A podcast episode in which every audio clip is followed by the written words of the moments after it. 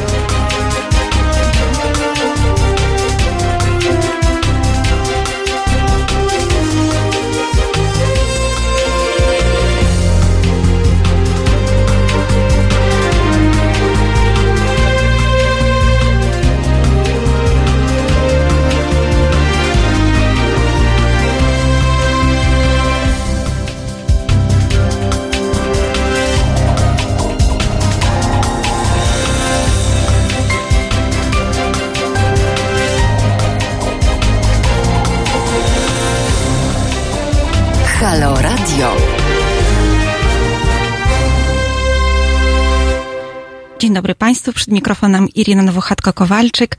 E, Minęła godzina 13. Witam Państwa serdecznie w tę niedzielę. E, Nie jestem w studiu sama, jest e, ze mną mój gość. Jest to Paweł Mikuczyński, ekspert męskiego wizerunku, z którym będziemy rozmawiać o modzie ulicznej. Street art, e, street fashion, e, wschód-zachód, tak nazwałam e, naszą dzisiejszą audycję. Dlaczego wschód-zachód? Dlatego, że porozmawiamy o tym, jak zmieniała się moda, nasze podejście do własnego wyglądu, nie tylko w Polsce, ale również poza granicami naszego kraju. No i tym razem przeniesiemy się na wschód. Witam Pawle serdecznie. Dzień dobry, witam wszystkich słuchaczy. Dziękuję za zaproszenie. Paweł, wykonujesz e, bardzo ciekawy, nietypowy zawód. E, Jesteś e, ekspertem męskiego wizerunku. Męskiego wizerunku to dodaje jeszcze wiele, budzi w mojej głowie wie- jeszcze wiele pytań i, i zbudza moją ciekawość, bo no jakoś tak się utarło. Zazwyczaj to kobiety bardzo zwracają uwagę na swój wygląd. Oczywiście mężczyźni również, no ale jakoś tak tak się utarło w mojej głowie, ale również e, w, tak w, w świadomości społecznej. E, Więc na początek zapytam Cię, skąd Twoje zainteresowanie akurat e, nawet nie tyle modą, nie tyle stylem, ale właśnie męskiego wizeru, tak, męskiej mody. No i jak to się zaczęło, że zacząłeś działać w tej branży? Moje zainteresowanie wizerunkiem, modą, tą branżą modową właściwie było od zawsze. Chociaż nie mogę powiedzieć, że jakoś bardzo dużo poświęcałem temu czas, bardzo wiele i tak dalej. Natomiast em, zacząłem pracować w branży odzieżowej po prostu na studiach. Moje studia zupełnie nie są związane, nie jestem z wykształcenia zupełnie związany z branżą modową, ale po prostu zacząłem pracować w, w tej branży i, i to mi się spodobało. Zauważyłem, że, że moi klienci e, są zadowoleni z moich usług, że mogę im coś zaproponować. To znaczy, co zacząłeś robić konkretnie? doradzać klientom, jak mogą wyglądać. Po prostu zacząłem pracować w, w sklepach odzieżowych na początek. A, to jednak y, stąd, no bo to, y, to, to jest ważne. Jak, jak, jak, jakie są Tak, korzenie? oczywiście. Właśnie, gdzie się uczyłeś tego, y, gdzie miałeś styczność z Wcześniej, modą? owszem, trochę się tym interesowałem, to zawsze, to znaczy zawsze lubiłem dobrze wyglądać ja. Mniej zwracałem uwagę na innych i stwierdziłem, że taka dorywcza praca mm, podczas studiów to będzie coś dla mnie. Okazało się, że bardzo dobrze trafiłem. I jak zacząłem pracować właśnie w tej branży i po prostu doradzać klientom, jak mogliby wyglądać, co moim zdaniem byłoby dla nich odpowiednie, em, okazało się, że wiele osób było z tego zadowolonych, że pozyskiwałem stałych klientów. Oni do mnie wracali. No i stąd to się wzięło. Później postanowiłem po prostu zajmować się już klientami takimi indywidualnymi i pracować nie już mm, nie tylko z jedną, powiedzmy, czy nie w jednej marce odzieżowej, ale w wielu, żeby mieć też szerokie e, spektrum, co mogę zaproponować klientom i żeby im jak najlepiej doradzić jednak to, jak powinni wyglądać. Co bardzo ważne dla mnie, chcę tu to mocno podkreślić, że nigdy nie uważałem, że nasz wygląd zewnętrzny, nasz wizerunek zewnętrzny jest najważniejszy. To znaczy, zawsze mm, pracując z klientem, chcę go najpierw lepiej poznać. Chcę go poznać, to znaczy dowiedzieć się trochę, kim on jest, czym się zajmuje, jakie ma cechy charakteru. I dopiero jego wizerunek zewnętrzny ma to podkreślić, ma te jego cechy, tę jego osobowość z niego jeszcze bardziej wydobyć i podkreślić to, jaki on jest tak naprawdę. Ja nikogo nie chcę zmieniać na siłę, nikogo nie chcę przebierać, nikogo nie chcę stylizować na siłę. To musi być zawsze spójne z daną osobą. A to jest bardzo ciekawe, co mówisz, a jeszcze wrócę do Twoich początków. Yy, zacząłeś od y, pracy w sklepach odzieżowych. Yy, czy to jest tak, że wszystkich tam szkolą, uczą i że każdy sprzedawca wychodząc ze sklepu odzieżowego y, no ma takie podstawy i, i właściwie może zacząć działać jako stylista, pomyśli sobie, a może bym rozpoczął taką pracę. Jednak coś więcej chyba jeszcze było w twoim przypadku. Hmm, to myślę, że tak jak wszędzie, to znaczy, jeśli ktoś chce się bardzo nauczyć i, i doszkolić, to po prostu to zrobi. To czerpie doświadczenia od, od starszych kolegów z pracy, od, od, mm, po prostu szuka różnych możliwości. Natomiast oczywiście zdarzają się też osoby, które po prostu przychodzą, e, robią swoje, bo chcą zarobić pieniądze i, i to, co robią, ich kompletnie nie interesuje. Po prostu wiedzą, że to jest na jakiś czas, e, na chwilę i, i po prostu szukają swojej drogi gdzieś indziej, bo tam się nie odnajdują. Ja się odnalazłem, w związku z tym postanowiłem jeszcze bardziej się tym zainteresować, szkolić, prosić, żeby mnie wysyłano na jakieś dodatkowe szkolenie, jeśli jest taka możliwość. Więc mi się to po prostu spodobało. Oczywiście wszystkie osoby tam pracujące mają jakąś podstawową wiedzę, ale po prostu pewne przychodzą do pracy, robią to, co do nich należy, z niej wychodzą i trochę o niej zapominają a pozostałe osoby gdzieś myślą sobie w głowie, co by tu zrobić jeszcze, co by tu zrobić jeszcze, żeby, żeby jednak lubię swoją pracę, podoba mi się to i w jaki inny sposób mogę jeszcze to wykorzystać. Co ja mogę z tym jeszcze dalej zrobić? A powiedz proszę, skupiłeś się na y, modzie męskiej. Dlaczego tak y, zawęziłeś swoją y, działkę, tak, y, obszar zawodowy?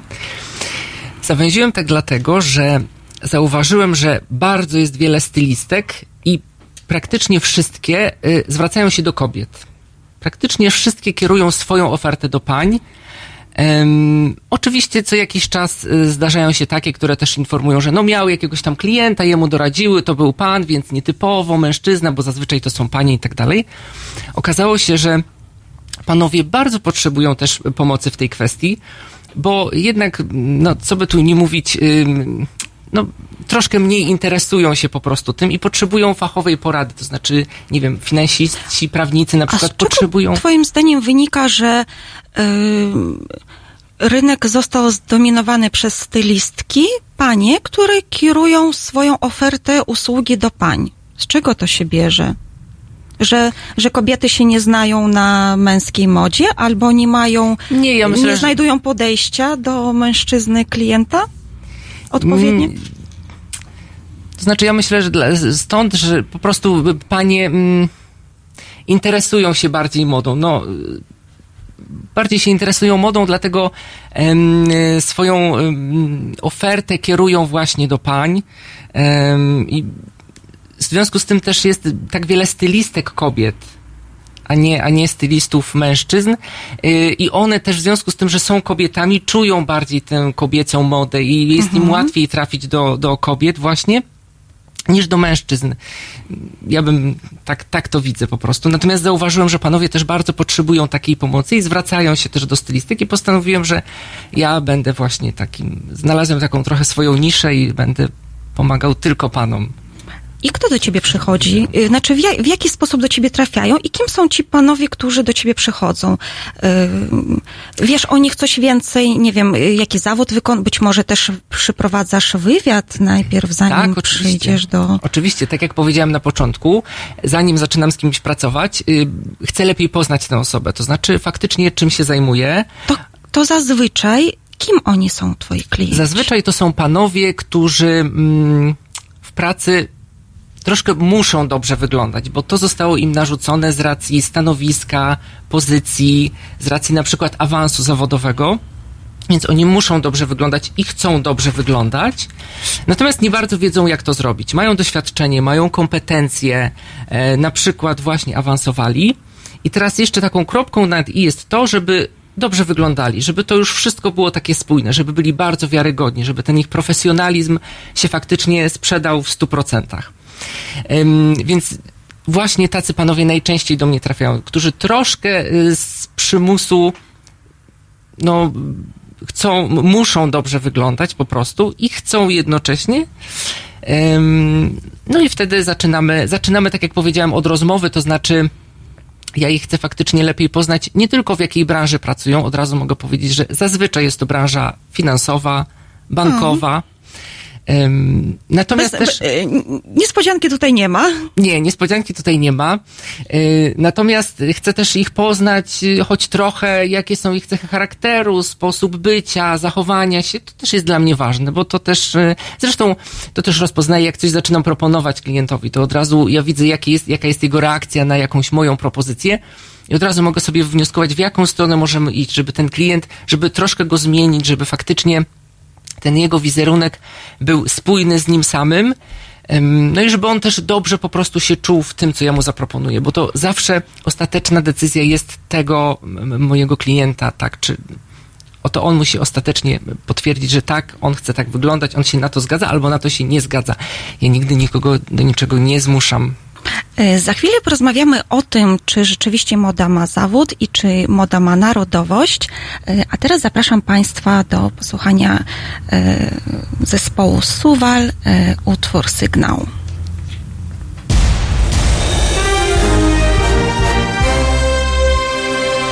We wtorek. Między 17 a 19 Wiktor Bater, jego goście i państwo będziecie debatować o polityce międzynarodowej bez mainstreamowego zadęcia. 17-19.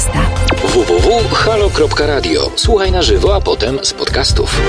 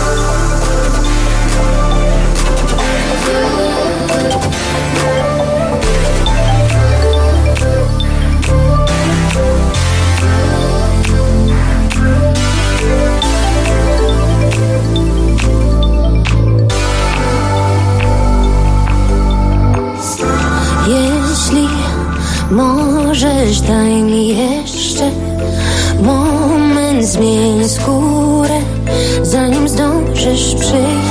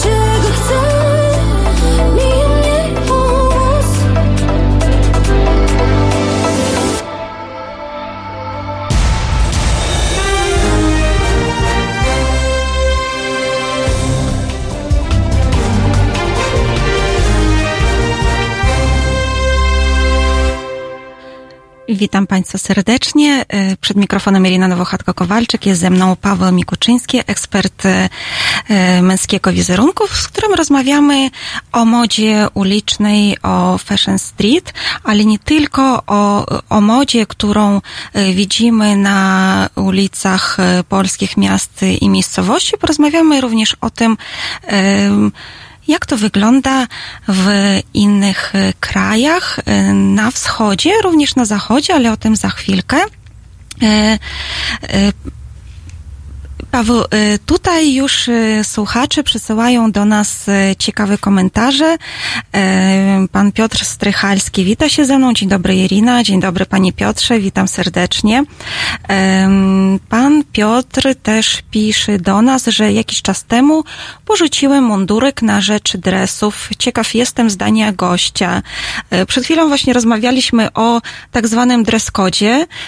Może przypomni Paweł trochę, co to było, dlaczego przychodzą przychodzą do ciebie twoi klienci, e, kim oni są, po co to robią. No i tutaj e, pan Piotr chciałby się odnieść, bo kiedyś też e, nosił mundurek, a teraz dres. Więc powiedzieliśmy sobie, że zazwyczaj zgłaszają się do mnie klienci, panowie, którzy... Mm, powiedziałem, że najczęściej tak jest, że faktycznie muszą zmienić trochę ten swój wizerunek, dlatego że na przykład zmienili pracę, dlatego że awansowali, dlatego że chcą podkreślić swój wykonywany zawód, swój profesjonalizm również swoim wizerunkiem zewnętrznym i potrzebują po prostu w tym wsparcia, pomocy, porady, dlatego, dlatego do mnie się zgłaszają. Oczywiście zdarzają się też, takie, się też takie osoby, które po prostu chcą, chcą coś zmienić, chcą zmienić siebie.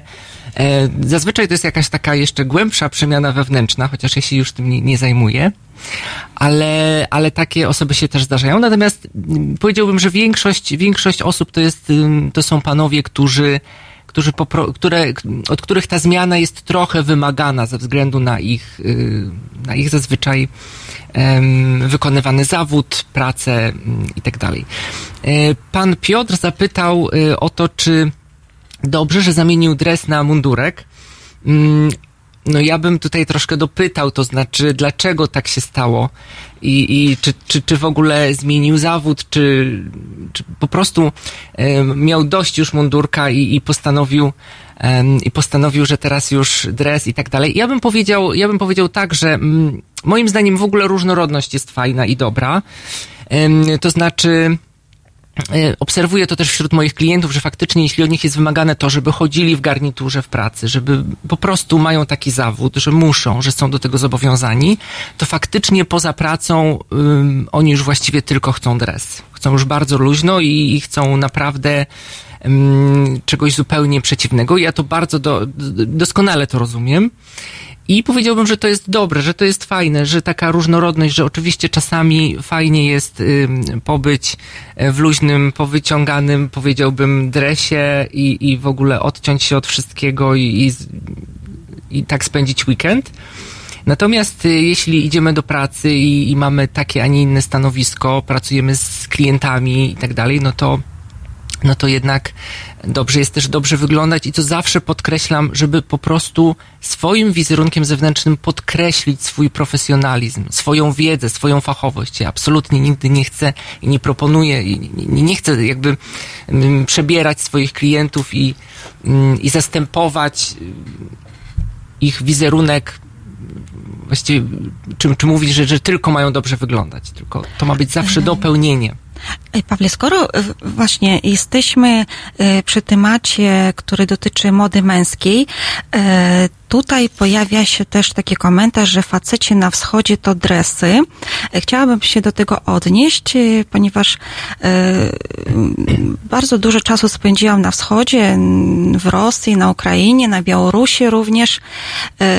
I owszem, potwierdzam, bo rozmawiamy o modzie ulicznej. Mężczyźni w tych krajach spotykani na ulicy, przypadkowi przychodni, e, są ubrani ubrani w dresy, do tego jeszcze rzuca się w oczy kolor. To zazwyczaj jest y, czerń albo ciemny granat.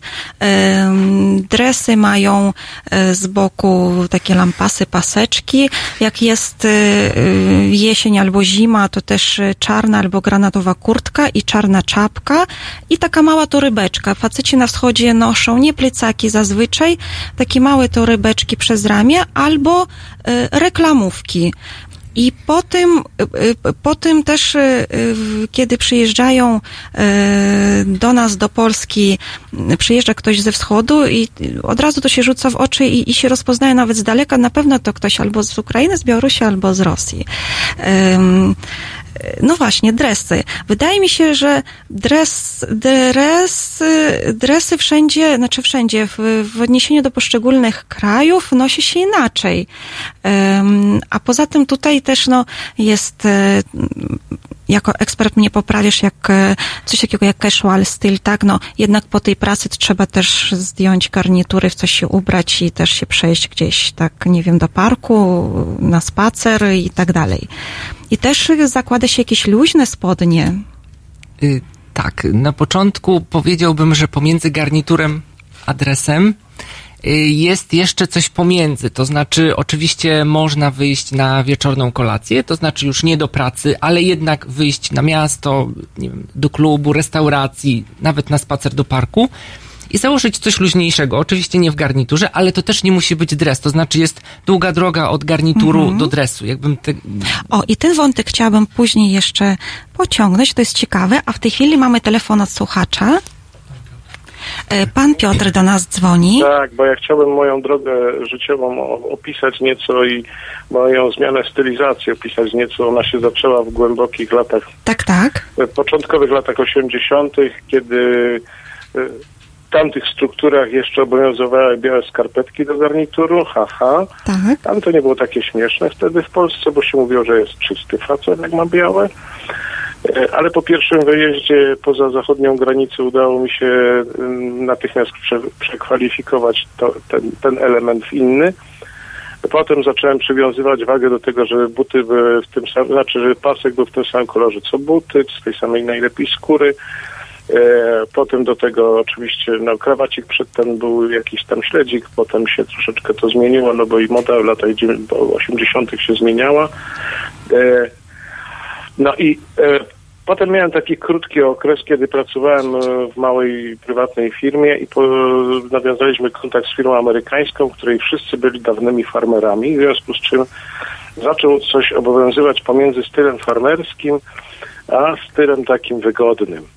To znaczy miękkie marynarki, tweed, tego typu historie, prawda?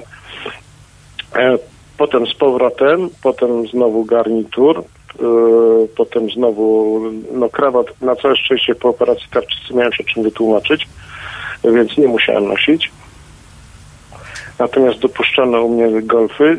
Dalej był to taki styl de facto mm, garniturowo wygodny, bo e, wycieczki do Szkocji i do Anglii pokazały, że można że można taki styl wygodny, garniturowo wygodny nosić. I tam zresztą w wielu firmach, w, z tego co zauważyłem w tamtym czasie w Wielkiej Brytanii, to y, właśnie styl bardziej taki przyjęty, tweetowy, ja go, ja go nazywam, a to jest bardzo duży y, umów, y, czy twilowy, przepraszam, to tak, taka umowna, umowne hasło, czyli miękki, wygodny, już nie jest to takie podkancik i, i, i granatowo-czarny.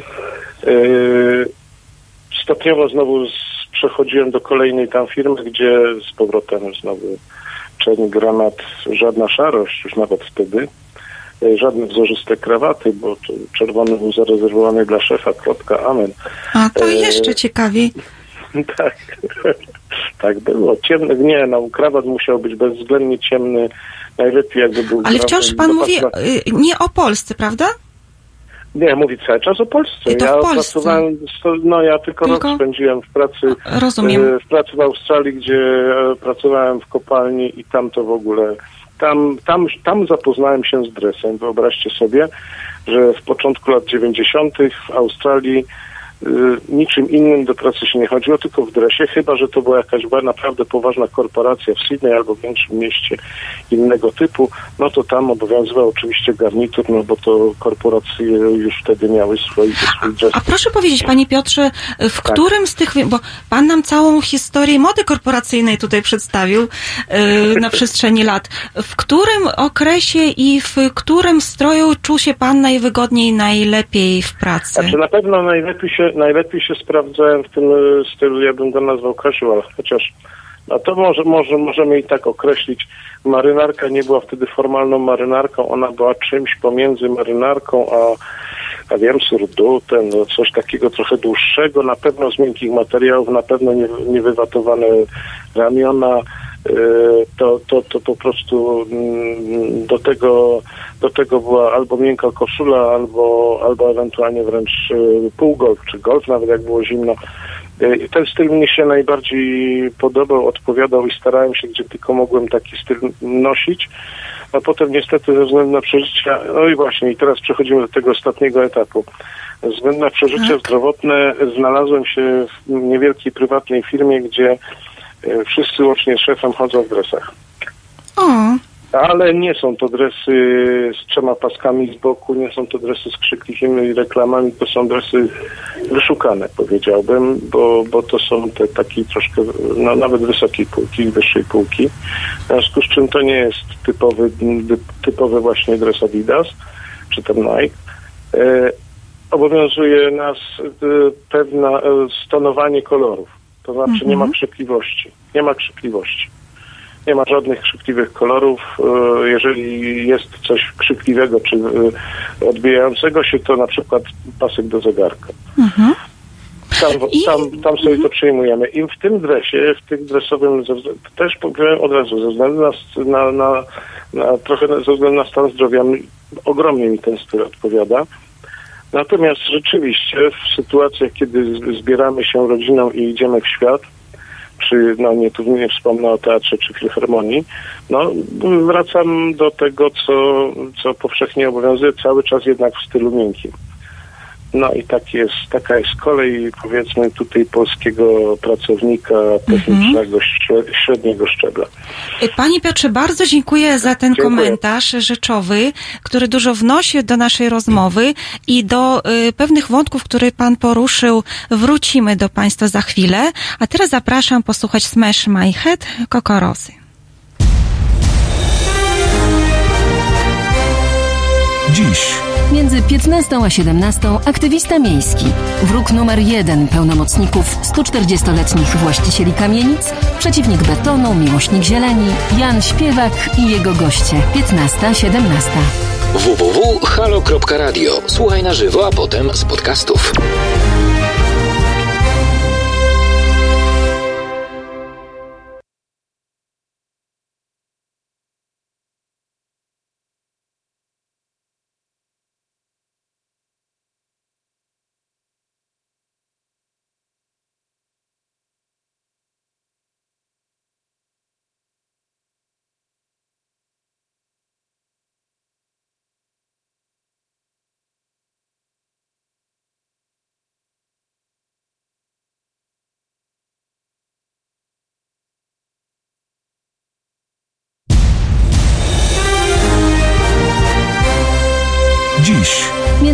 15 a 17 aktywista miejski, wróg numer jeden pełnomocników 140-letnich właścicieli kamienic, przeciwnik betonu, miłośnik zieleni, Jan Śpiewak i jego goście 15-17.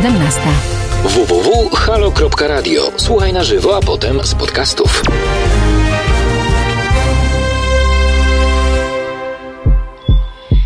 Smash my head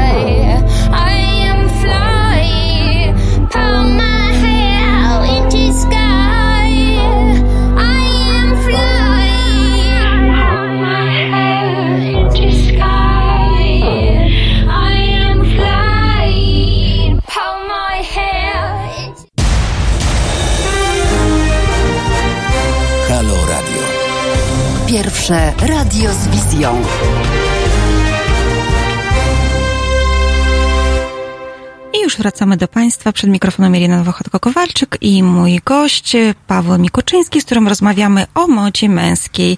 Yy, Przed chwilą yy, mieliśmy telefon, ciekawy telefon naszego słuchacza, pana Piotra, który właściwie przedstawił nam w pigułce historię mody korporacyjnej z bardzo ciekawym zakończeniem. I teraz chciałabym, Pawle, żebyś się odniósł do takich kluczowych momentów z tej rozmowy. Co, co ciebie poruszyło w tej wypowiedzi? To znaczy tak, ja przede wszystkim chciałem bardzo podziękować panu Piotrowi za telefon, za to, że się do nas zgłosił, ponieważ y, jest to bardzo świadomy y, mężczyzna, który przede wszystkim zwraca uwagę na to, co się nosi, co powinno, a może co nie powinno, przynajmniej szuka, próbuje, próbuje to zmieniać, obserwuje, co u nas, co gdzie indziej, więc świadomość jest bardzo, bardzo ważna. Przecież nie musimy być ekspertami we wszystkim, nawet nikt nie jest. W związku z czym, jeśli chcemy, po prostu chcemy, zaczynamy obserwować, a nie wiemy dokładnie, jak się do tego zabrać, to na przykład ja jestem taką osobą, do której można się zgłosić i w tym temacie pomogę. Natomiast pan Piotr jest po pierwsze bardzo, bardzo świadomy. I, I to jest moim zdaniem najważniejsze, że przede wszystkim obserwował, że, że wszyscy nosili białe skarpetki, to, to ja też białe skarpetki i wtedy tak było. I oczywiście każdy, e, każdy czas ma swoje jakieś tam, swoje trendy, swoje tendencje i, i to jest okej. Później pan Piotr zaznaczył, że, że buty w tym samym kolorze i pasek, y, to już było jakiś czas temu z tego, co, co mówił pan Piotr, zauważył to e, i zaczął stosować. No, ja tutaj muszę powiedzieć, że do dzisiaj jeszcze dla niektórych klientów jest to zaskoczenie i w ogóle jak to, że, że to nie można założyć jakiegoś paska w ogóle, albo bez paska, skoro przecież spodnie mi nie, spadają, no to jest w miarę okej. Więc ta świadomość pana Piotra to jest super sprawa i, za to chciałem mu bardzo podziękować, że, mm, że się do nas zgłosił i tą historię swoją opowiedział. Mm, Co do stanu obecnego, to znaczy zaznaczył pan Piotr, że teraz y, chodzi w dresie do pracy i mało Tak. tego, cała firma tak chodzi, trafił do jakiejś małej rodzinnej firmy z tego co pamiętam. E, nawet szef Ale to nie są zwykłe, zwyczajne dresy. To nie są Właśnie, zwyczajne dresy. To nie są zwyczajne dresy, więc podejrzewam, że, no, że jednak jakieś tam, mm, jakieś tam zasady panują co do kolorystyki i tak dalej, żeby jednak tych pasków z boku nie było. I myślę, że jakieś tam zasady jednak panują i to też dobrze. Powiedziałbym tak, zakończyłbym y, tę historię tak, że jeśli y, tak jest w tej firmie i łącznie z szefem wszyscy wchodzą w dresach i pan Piotr mówi, że jest z tego bardzo zadowolony i bardzo mu to odpowiada i pasuje, to super, to, to nie ma z tym problemu. Jeśli tylko pracownicy tej firmy nie mają bezpośredniego kontaktu z klientem, to to jest w porządku. To uważam, że skoro wszyscy są zadowoleni, rozumiem, że atmosfera w pracy jest dobra, to, to jak najbardziej. Mm, No jeśli byłby jakiś bezpośredni kontakt z klientem w pracy, no to tutaj już bym polemizował. Ale myślę, że takiego nie ma, bo się dokładnie nie, nie dowiedzieliśmy od pana Piotra, jaką No tak, wykonuje. Natomiast... być może też e, dużo zależy od branży, w jakiej się pracuje. Nawet jak jest kontakt z klientem, ale też branża branży nierówna, każda ma swoją specyfikę działania. Tak, oczywiście, jasne. Yy, No, właściwie wyobrażam sobie, nie wiem, tylko trenera personalnego na siłowni w dresie albo w stroju typowo sportowym, albo No, no, tak, dziwne by było zobaczyć takiego no trenera tak, w garniturze. Albo, no nie wiem, tren, trenera właśnie nauczyciela WF-u być może. Natomiast ym, właściwie w, myślę, że w każdej innej dziedzinie, nie mówię, że wszyscy powinni chodzić w garniturach, czy, czy ym, nawet casual business stosować i tak dalej. Natomiast ym, chciałbym to też podkreślić, że wizerunek jest jednak, zewnętrzny wizerunek jest jednak odzwierciedleniem, pokazuje nasz szacunek do czasu, do miejsca, w jakim się znajdujemy i do drugiego człowieka, z jakim mamy okazję pracować, współpracować, czyli na przykład też do, do klientów e, i tak dalej, więc mm, więc tutaj każdy przypadek trzeba byłoby indywidualnie przeanalizować. Natomiast jeśli, no ja bym powiedział tak, że jeśli mamy bezpośredni kontakt faktycznie z klientem, to, no to tutaj dresów bym jednak nie pochwalił, jakie one by nie były. Okej, rozumiem. A proszę powiedzieć, czy y, do ciebie się zgłaszają głównie Polacy, czy też obcokrajowcy szukają porady mężczyźni? Głównie Polacy. Głównie Polacy, tak. Tutaj, e, tutaj myślę, że no, obcokrajowcy nie mają z tym albo nie mają z tym problemu i faktycznie em, radzą sobie chyba troszkę lepiej. To znaczy mówimy o mm, Europie Zachodniej, właściwie o, o Zachodzie. Em, to faktycznie są bardziej świadomi i jakoś tak mają większą poczucie, większe poczucie estetyki, gustu. Chociaż oczywiście Polacy też coraz częściej, tutaj nie, nie, nie mogę też tego mm, tak bardzo rozgraniczać. Natomiast faktycznie moimi klientami są Polacy. Ym, a powiedz tak e, z pamięci, co ci przychodzi do głowy, największe e, pas stylizacyjne, stylizacyjne, tak w stylu w ubieraniu się, sposobie ubierania się, które popełnili twoi klienci na początku swojej drogi, przygody e, z, z przemianą, e, a być może już w trakcie, o której się dowiedziałeś. Co to było? no nie wiem, kapelusz, nie wiem, do czegoś założony nieodpowiednio, albo nie wiem, co, co to może być, co cię po To prostu znaczy tak, uraziło. Ym, tych wpadek takich ym, jest w ogóle, powiedziałbym, coraz mniej. To znaczy, wszystko się zmienia, a moda to już w ogóle i wszystkie te trendy bardzo, bardzo szybko. I niewiele jest właściwie takich rzeczy, o których moglibyśmy powiedzieć, że to jest ewidentnym błędem. Bo ym, jakby przekaz jest taki, że ym, ubierajmy się tak jak chcemy, żebyśmy czuli się w tym dobrze, odpowiednio, żebyśmy czuli się w tym w pracy właściwie profesjonalnie i tak dalej. To jest wszystko w porządku.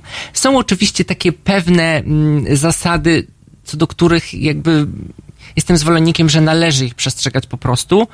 E, No i na przykład taką zasadą jest taki strój bardzo formalny, czyli na przykład smoking, czyli na przykład frak. No i takim chyba największym, y, największym błędem, który, który pamiętam ja, to to była sytuacja, gdzie mój klient y, chciał założyć na, na taką galę wieczorową bardzo, bardzo formalną smoking, e, do tego czarną koszulę i krawat. I krawat do smokingu jest moim zdaniem już niedopuszczalny.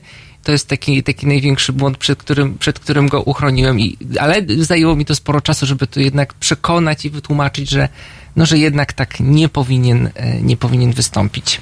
To, A skoro mowa o krawacie, powiedz mi, y, czy y, krawat jako, ja- jaki znamy i, tak wszyscy wiedzą, co to jest krawat, jak wygląda, jak się nosi, jak powinno się, no, jak powinien wyglądać tak dobrze ułożony krawat, czy da się krawat y, y, nosić krawat tak, żeby to jednak wyglądało mniej oficjalnie, ale jednak ten krawat był. Że właśnie taki no, y, styl y, y, bardziej na luzacko, czy to w ogóle wypada, czy to nie jest e, takie przenikanie się nieodpowiednie stylów i, i tylko pokazuje, że ktoś na czymś zupełnie się nie zna. Nie, oczywiście, że wypada, oczywiście, że wypada i tak ym, wielu moich klientów faktycznie nosi. Ja ich do tego też przekonuję. Każdy krawat da się tak założyć?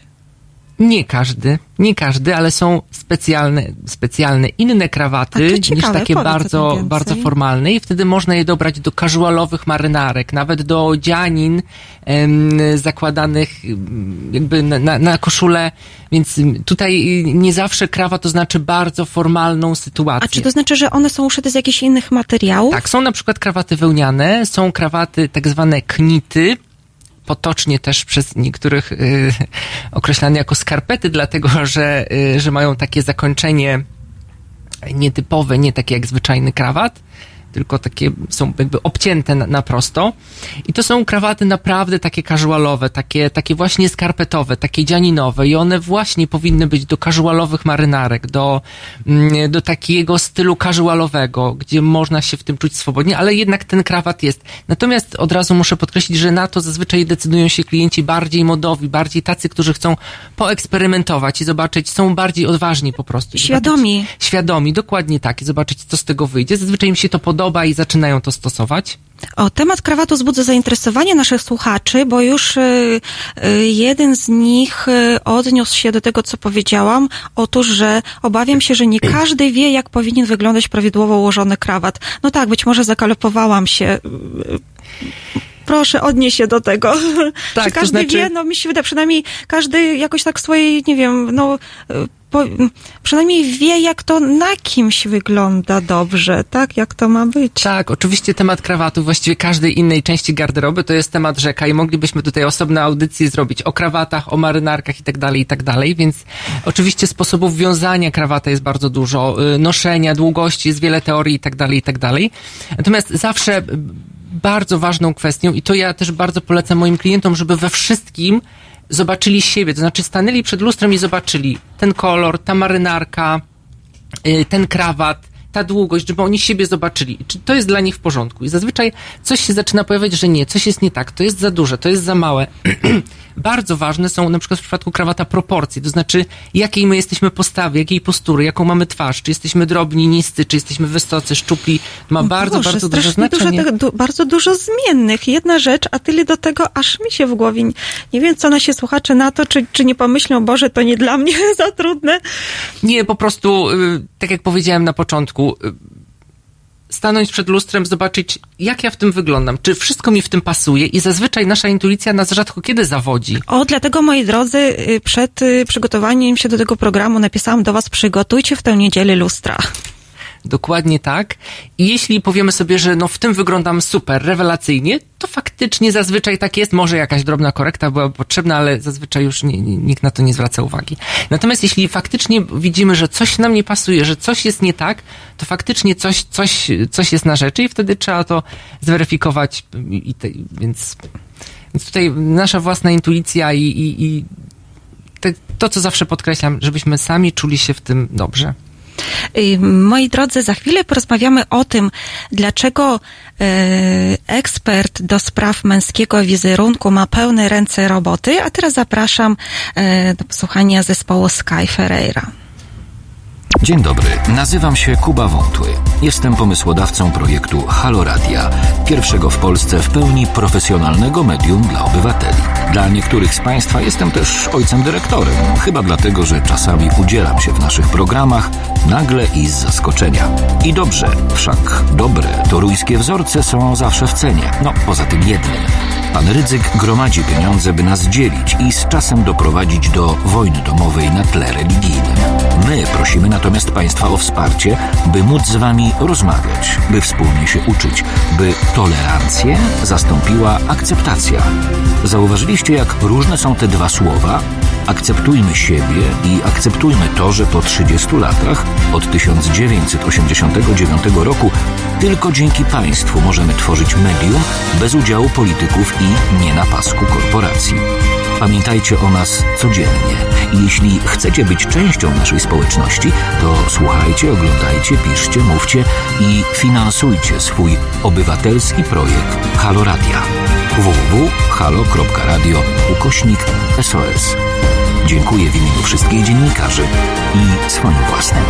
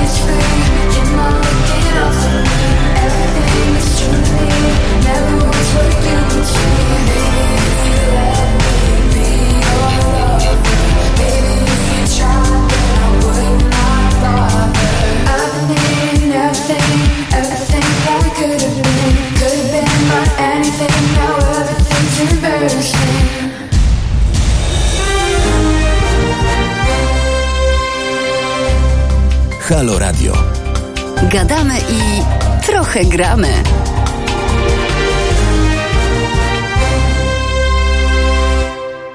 I już wracamy do Państwa. Przed mikrofonem Irina Dwochatka-Kowalczyk i mój gość e, Paweł Mikuczyński, z którym rozmawiamy o tym, e, dlaczego ekspert e, do spraw wizerunku męskiego ma pełne ręce roboty. Paweł, tutaj w tym e, ostatnim kwadransie e, tej godziny, przed nami jeszcze jedna, chciałabym Cię zapytać o Twojej pracy od kuchni, bo e, przyglądając, e, e, szukając właściwie informacji o tym, w jaki sposób pracujesz z klientami, to tam ciekawe rzeczy się, ciekawe rzeczy się dopatrzyłam, między innymi robicie przegląd szafy, nie wiem, wyrzucacie rzeczy niepotrzebne, co wy, co, jak to w ogóle wygląda? Wchodzisz do mieszkań swoich klientów, otwierasz ich szafy i co robisz wtedy? Część wyrzucam również. Różnie. To znaczy, y, są klienci, jest część klientów, którzy chcą jakąś taką większą metamorfozę przeprowadzić w, w swoim życiu i zaczynamy właśnie od przeglądu szafy, bo oni sobie tego życzą.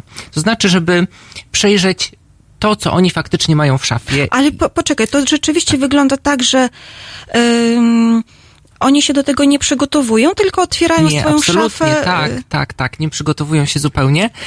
Mm, W sensie takim, że nie segregują ubrań. Nie, absolutnie, nic z tym nie robią, po prostu tak jak do tej pory funkcjonują, ta, tak to wszystko jest. Ja wchodzę i patrzę, ym, co oni tam mają, jak się ubierają. Troszkę pytam, co jest ich ulubionym ym, ubiorem, co zakładają, jak na szybko, jak nie wiedzą, w co mają się ubrać, a co do pracy, a co na wyjście na kolację, a co tu, a co tu. I oni mi wszystko y, pokazują, opowiadają.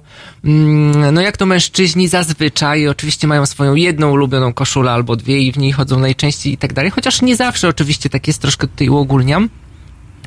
Natomiast y, ja sobie faktycznie y, przyglądamy sobie te rzeczy i omawiamy. To znaczy ja zawsze wszystkie te rzeczy moich klientów, oni się też przebierają, no, muszą się trochę namęczyć przy mnie, muszę przyznać. Znaczy oni się w to przebierają i, i mi pokazują, jak w tym wyglądają. Na przykład y, tak wychodzę ubrany do pracy. I czy to jest dobrze, czy niedobrze. No i sobie trochę o tym rozmawiamy.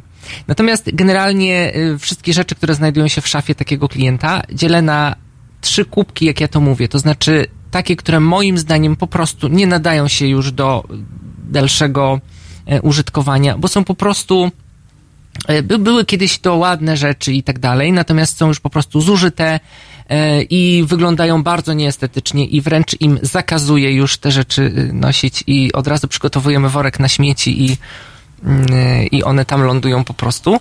Są też takie rzeczy, które wymagają drobnej korekty krawieckiej, na przykład, bo tutaj to jest też temat rzeka, czyli odpowiedni dobór, jeśli chodzi o rozmiar i, i że korekty krawieckie trzeba się z nimi zaprzyjaźnić w 9 na 10 przypadków.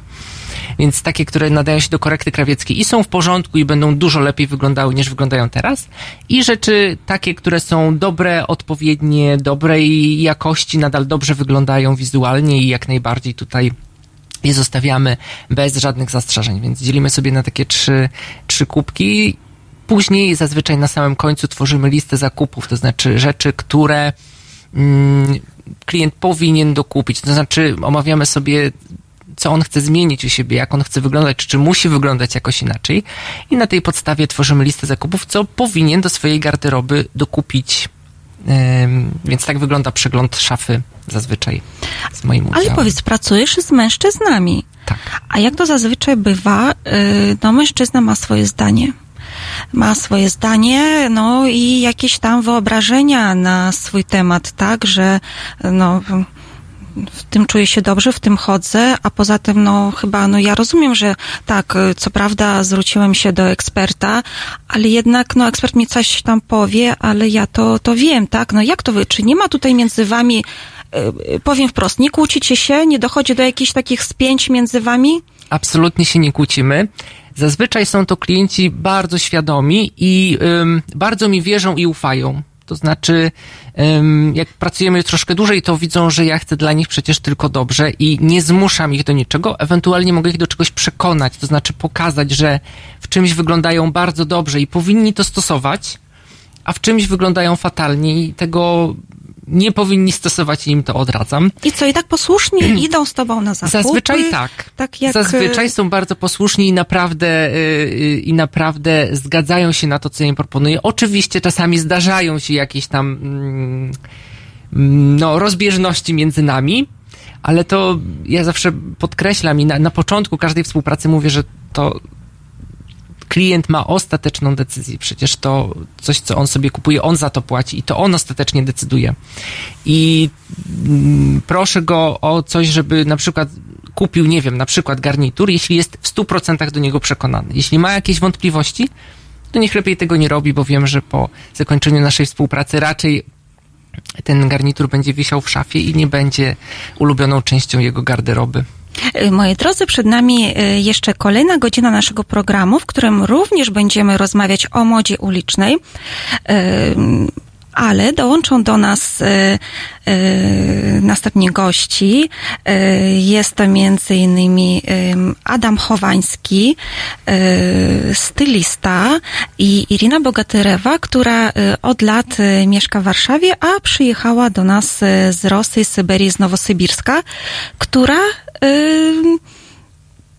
też opowie o tym, jak ubierają się Polacy, ale ze swojego punktu widzenia opowie o y, swoich wrażeniach, y, jak ona widzi, jak odbiera y, modę polską. Y, modę polską y, mówią o tym y, w domyśle, no po prostu tak chodzi codziennie ulicami miasta, Warszawy, innych polskich miast, spotyka przechodniów, co, i co ona o tym sądzi. Ale o tym za chwilę, zostańcie z nami.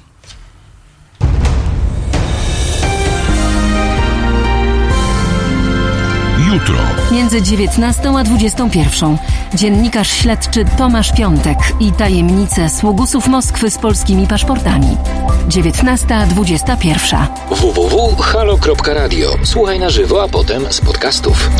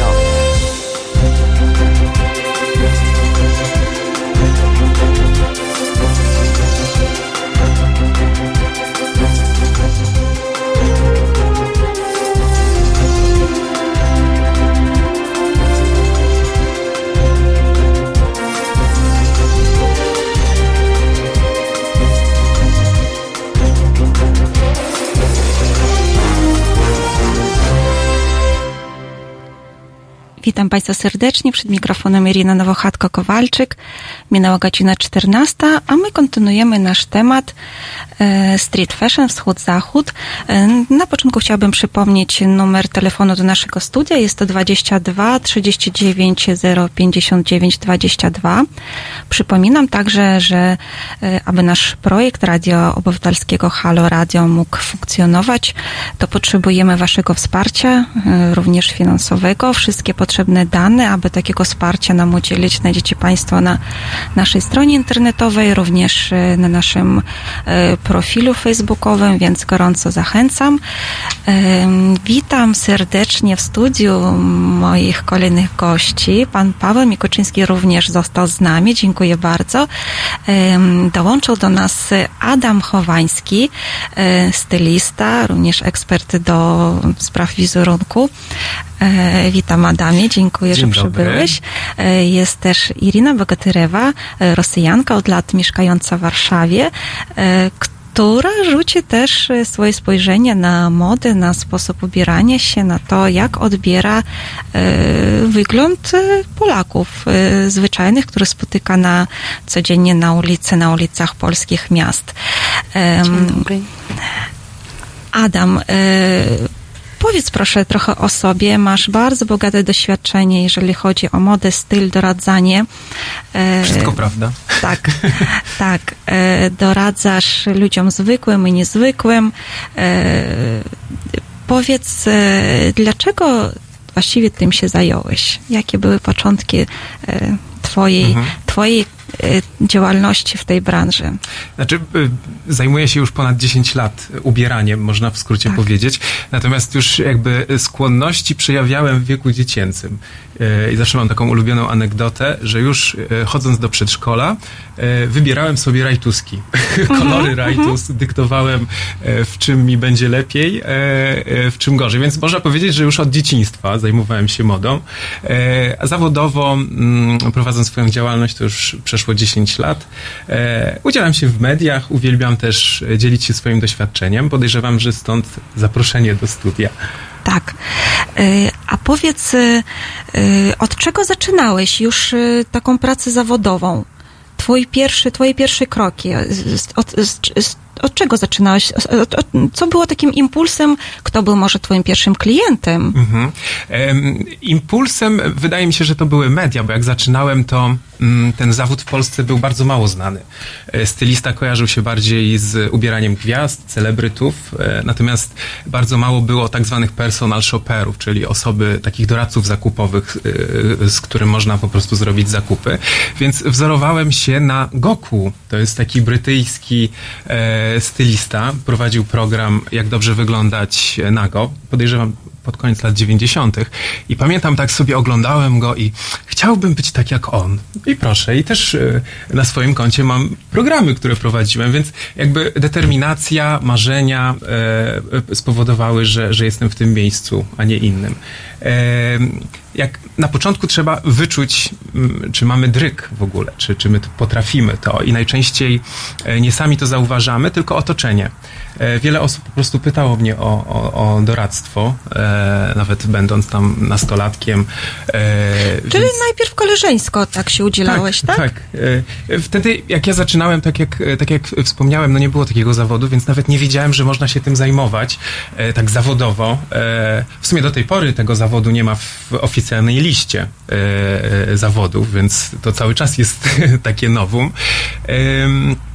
I rzeczywiście pierw doradzanie rodzinie, znajomym, e, a później się to przerodziło po prostu w, sposób zarobkowania, w sposób na życie. No dobrze. A y, pamiętasz może, tak mi się wydaje, że powinieneś pamiętać y, swoje, y, no swoich pierwszych klientów, już nieznajomych, którym udzielałeś porady, y, czy to byli zwykli ludzie, czy od razu po prostu wyniosłeś się na wyższy poziom? Nie, to byli tak zwani zwykli ludzie, czyli e, przeciętna e, pani Kowalska, możemy tak nazwać. Jak zaczynałem, to I jak większość... do ciebie Mhm. trafiła ta pani Kowalska? E, Dałem się po prostu odnaleźć, czyli e, no, w, w świecie mediów, w świecie internetu, jeżeli ktoś szuka usług stylisty, to na pewno wyskoczy ja, wyskoczy kolega w Google'ach, więc, e, więc trzeba dać się znaleźć. E, Czyli można powiedzieć, że was, wasz zawód e, zaczął być e, no w ogóle rozpoznawalny, że, że wy jesteście, tak, że, że, że, że są takie osoby w momencie, kiedy rozpowszechnił się internet, usługi, Zgadza tak? się. e, Dzięki mediom. Dzięki mediom. Mhm. Do, te, do tej pory, gdyby nie to, to pewnie e, was by jeszcze nie było takich, jakimi jesteście, tak? Myślę, że tak, bo e, ten zawód rzeczywiście był popularyzowany, powstawały różnego rodzaju programy, które były transmitowane i Polacy zauważyli, że mm, może być taka osoba, która nam doradzi, która, która powie, w czym nam dobrze wyglądamy, która nam przemodeluje wręcz całe życie i szafę. A czy Polacy w ogóle, y, teraz mówię o, o, ogólnie o społeczeństwu, y, o społeczeństwie, y, tego potrzebują, szukają, chcą tego, czy raczej y, teraz mamy nadmiar wszystkiego, jeżeli chodzi o sklepy odzieżowe, sieciówki, tak, że no też tak naprawdę tam są kreatorzy, którzy, którzy proponują taka Mhm. stylizacja siaka owaka i, i każdy z ulicy wchodzi, o to mi się podoba, ten płaszcz z tym szalem, Tak, spodniami jest okej. Zgadza się, niektórzy sobie radzą doskonale e, bez pomocy. Natomiast no, nie wszyscy się na tym znają. E, I to jest, no, to jest usługa, więc e, Polacy zwracają się do e, architektów wnętrz, do osób, które zajmują się ich ogrodami i do osób, które zajmują się ich szafami. Więc to też po- pokazuje, to jest jednak usługa ciągle mm, luksusowa, że jakby nie wszyscy, to nie jest pierwsza potrzeba, nie wszyscy sobie mogą na nią pozwolić. I o tym też jeszcze porozmawiamy, bo też to, to jest ciekawe to, co powiedziałeś, że to jest usługa luksusowa. Chociaż coraz mniej, bo Coraz już jest tak. dostępna na przykład w galeriach handlowych nieodpłatnie, więc e, no tylko to są różne... Tak, y, znane marki Tak. wynajmują stylistów, którzy Mhm, y, doradzają. Tak, dora, doradzają, przy okazji też sobie pomagają sprzedawać w ten sposób. A powiedz proszę, bo tutaj wcześniej rozmawialiśmy o tym, o, o specyfice pracy stylisty, specjalisty wizerunku z mężczyznami. Y, powiedz Adamie, y, tobie z kim łatwiej się pracuje? Z kobietami czy z mężczyznami? Czy dla ciebie nie ma różnicy? Akurat dla mnie nie ma różnicy, ale właśnie opowiem, jak się ten em, rynek zmienia, bo jak zaczynałem Tak. te 10 lat, 80 parę procent to były kobiety które gdzieś tam sobie znalazły moją usługę i, i się do mnie zwróciły. Natomiast nie wiem, jak, jak u ciebie e, to wygląda, ale ja obserwuję, że tak od czterech lat, trzech lat em, większość facetów się do mnie zwraca. Oni mają konkretne e, potrzeby e, i może przez to jest mm, szybszy ten proces. Nawet same zakupy z mężczyzną to jest maksymalnie 3-4 godziny i koniec. E, Ale właśnie obserwuję i też zastanawiam się, z czego to wynika. Czy właśnie takie zmiany jakieś społeczne nastąpiły, że jednak się to popularyzuje wśród e, mężczyzn.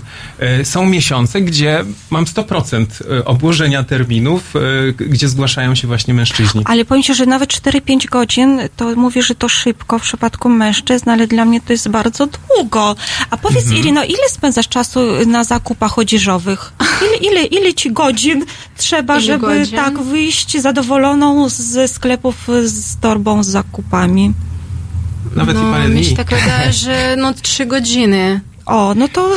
Tak, Trzy godziny tylko to A, tak. bo ona jest sama, Mhm, tak? mhm. Trzeba tak, przełożyć tak. to na efektywność, bo Tak. trzy godziny ja potrafię zbudować całą szafę, a nie znaleźć A, no jeden jest element na różnica. przykład, bo wiem, że e, kobiety często sobie tak spacerują, chodzą trochę bez celu, Patrzą, e, a potem już wracają bez wybierają. niczego. Inspirują się. Tak. Natomiast w przypadku personal shoppera Tak. ten czas jest bardzo e, taki Tak, aktywny i no, no to- efektywny. no, mhm. E, I trzy godziny to jest maks, bo później następuje zmęczenie. Ja nawet przerywam zakupy, bo już wtedy klientowi się nic nie podoba, To tak jak się z perfumami, jak się powącha trzy zapachy, to już, Już czwarty koniec. Mhm. tak, już nie trzeba, bo nie tak nie odróżni się. Są, ym, są tacy długodystansowcy, wśród kobiet y, rzeczywiście częściej, że potrafią mi 7 godzin, więc ja wtedy błagam, stop, już nie chcę więcej.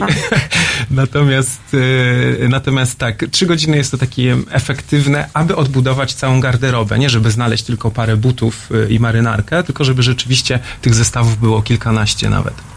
E, Za chwilę porozmawiamy o tym, e, dlaczego ta usługa już przestaje być tak luksusowa i tak naprawdę e, ile kosztują poszczególne elementy tej usługi, bo to jest duży wachlarz, wachlarz tego, co oferujecie. E, oraz e, zapytam Irinę również, czy ona miałaby taką potrzebę, y, a być może już korzystała w przeszłości z usługi stylisty osobistego. A teraz zapraszam do posłuchania zespołu Winter is Coming.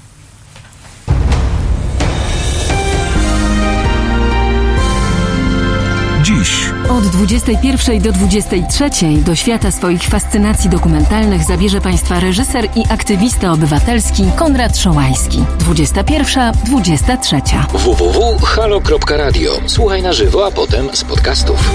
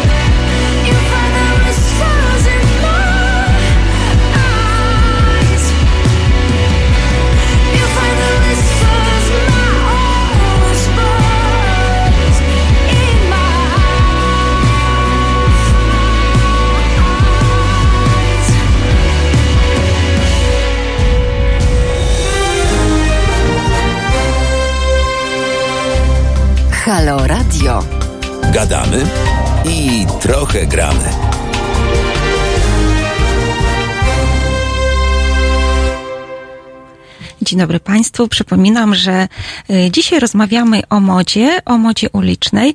E, Rozmawiamy o modzie, e, o tym, jak się ubieramy, nie tylko w Polsce, ale również o tym, jak wyglądają ludzie na ulicach w poszczególnych krajach na wschodzie.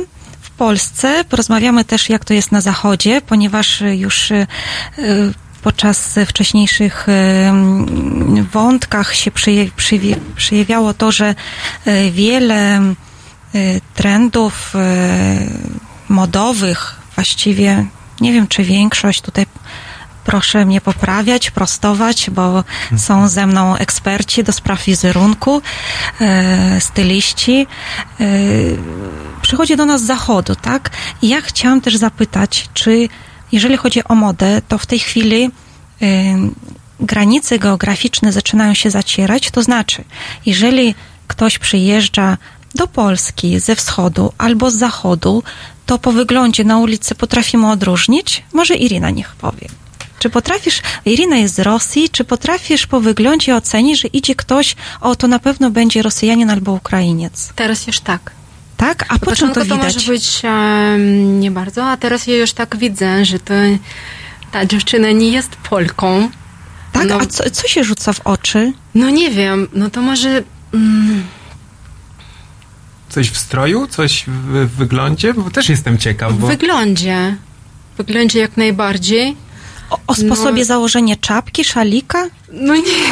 Albo może to się tak czuje podskórnie, może swoich wyczuwa. Ale to na pewno Może musi to być osoba taka bardzo zauważalna, czyli kolor, czyli jakieś takie elementy garderoby, że skoro to była taka szara myszka, no to pewnie byśmy...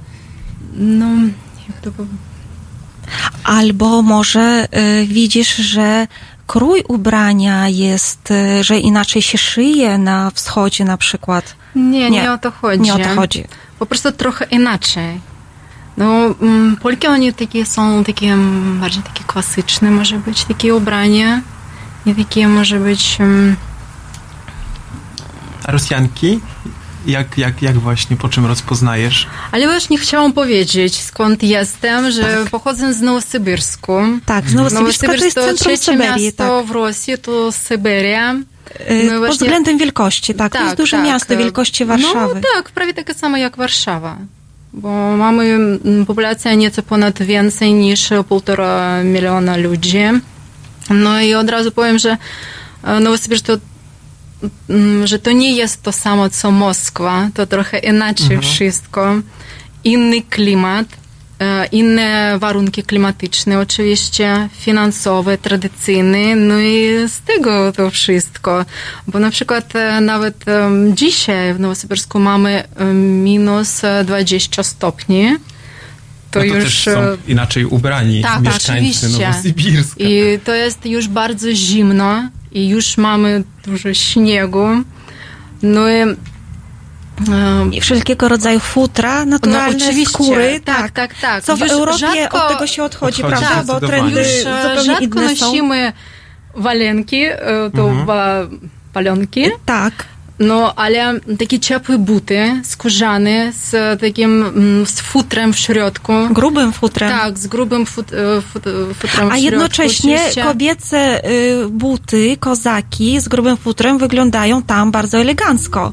No nie zawsze. Nie zawsze? nie zawsze. Nie zawsze. Ciepła czapka, szalik, Mhm. to, to oczywiście to konieczność. No ale ja myślę, że otwarcie trzeba byłoby powiedzieć, że przy takiej temperaturze, na przykład przy takich warunkach atmosferycznych, to te trendy, o których tu rozmawiamy, się bardzo już zawężają, Tak, prawda? tak, Więc tak, tutaj tak. no nie, nie możemy do końca powiedzieć, że ktoś się tymi trendami interesuje, je stosuje czy nie stosuje, bo one po prostu się tak zawężają no, z racji. Ja też bym to rozpatrywał w grupie wiekowej, to Aha. inaczej wygląda, że na przykład wśród nastolatków to ten globalizm widać, bo e, zacierają się totalne różnice, jest szybki przepływ informacji, internet, influencerzy, e, globalne gwiazdy, które się naśladuje, więc e, takie pokolenie nastolatków, dwudziestolatków na całym świecie tym zachodnim powiedzmy, wygląda bardzo podobnie. E, W podobny sposób się noszą, zachowują, e, na modłę zachodnią. Natomiast e, ja potrafię rozpoznać Polaków e, za granicą. O, ciekawe, E, po czym rozpoznajesz? ale też właśnie trudno, na czym? trudno to zwerbalizować. tak jak Mhm. e, Irina też miała problem. Jakoś tak się czuję, że to chyba Polak, nie wiem, zachowaniem. Tylko ja bym chciał jedno nadmienić, bo to jest istotne. Ja bym tego nie rozpatrywał, czy ten powiedzmy wschodni styl Mhm. jest lepszy czy gorszy od tego zachodniego. Nie, nie, absolutnie nie w tych kategoriach rozmawiam. Tak, różne. tak, tak, tak, E, różne. I ja bym tego nie wartościował. Tak. Oczywiście tak w Polsce e, przyjęło się mm, e, nie przyznawać do tych naszych jakichś tam socjalistycznych korzeni i chętnie byśmy epokę e, tę wykreślili, wygumowali. Jesteśmy zapatrzeni na ten świat zachodni i stamtąd czerpiemy wzorce. Natomiast właśnie no, zmienia się też to, moda się zmienia. Dawniej była bardziej, bardzo elitarna. Była tworzona dla wręcz koronowanych królów, e, koronowanych głów. Rozwój od couture na początku XX wieku, to to była moda taka niedostępna dla, dla przeciętnego e, zjadacza chleba.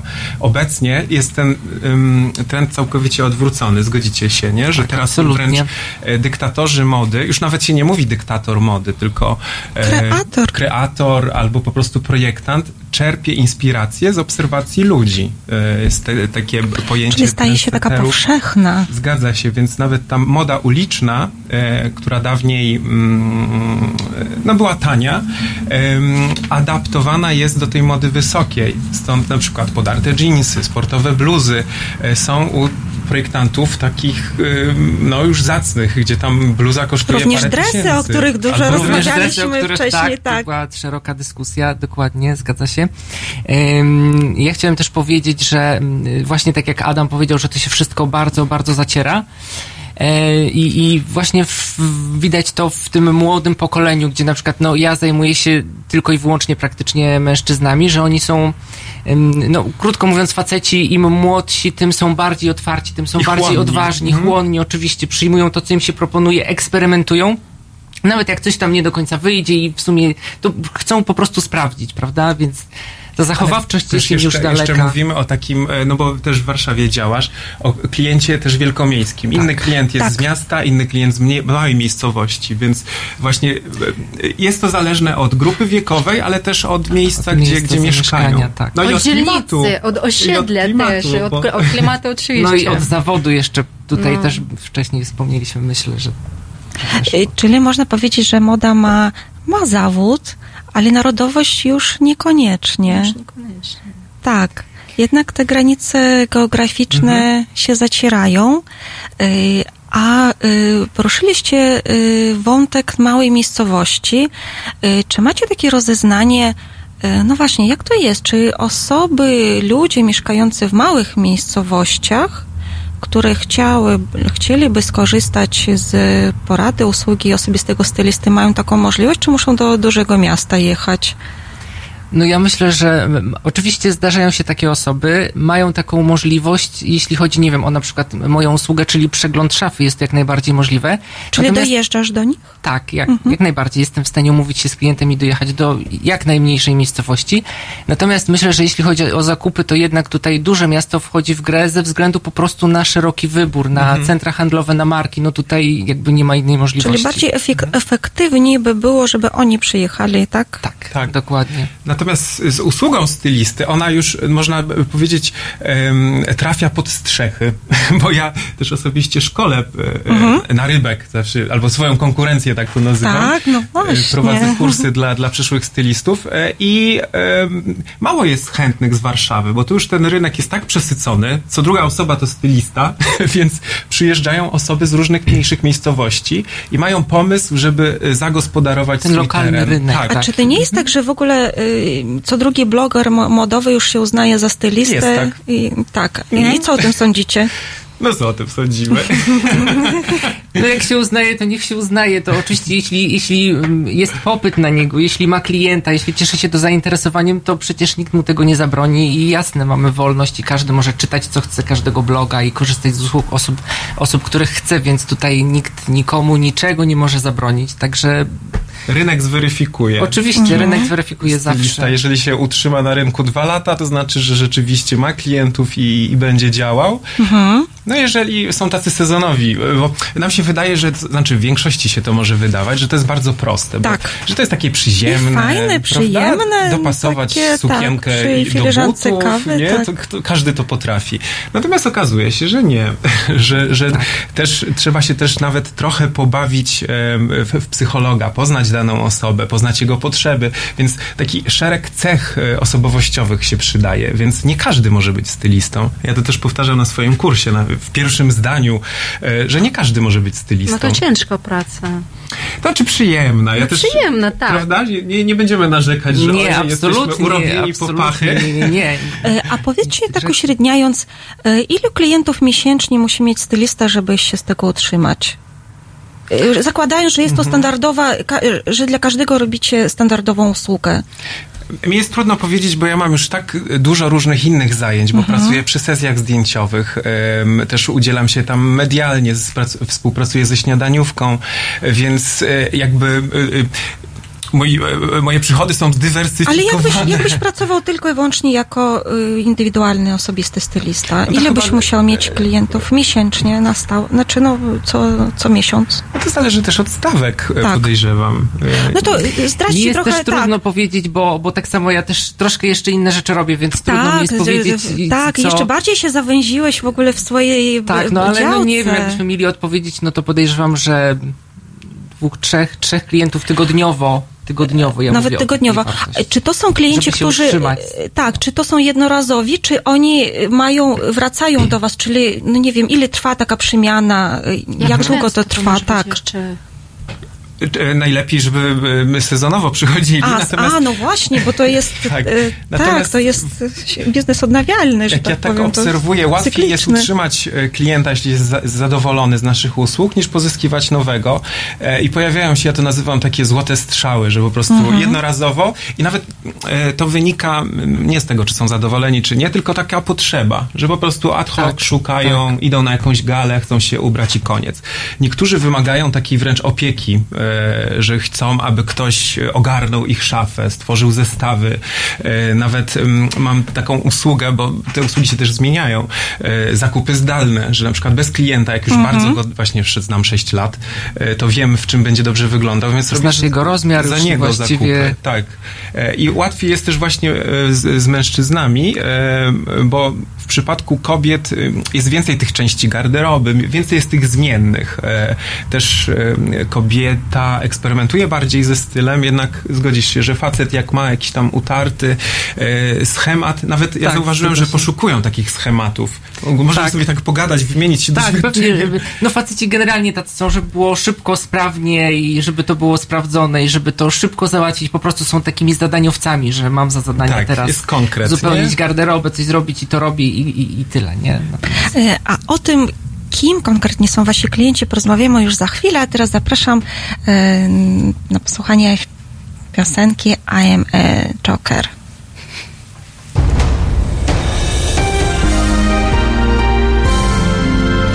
Środę Od 21 do 23 telefony od Państwa odbiera dr Tomasz Kowalczuk, politolog i filozof.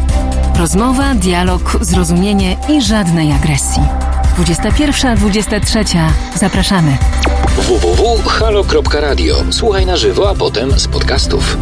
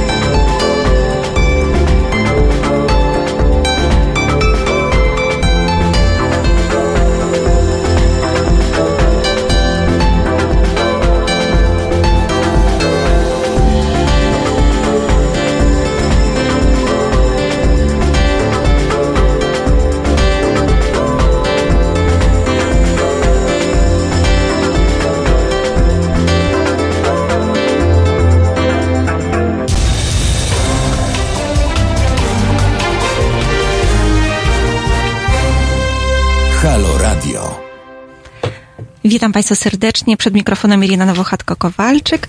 E, Przypomnę Państwu, że możecie do nas dzwonić, pisać. E, Telefon do studia to 22 39 059 22.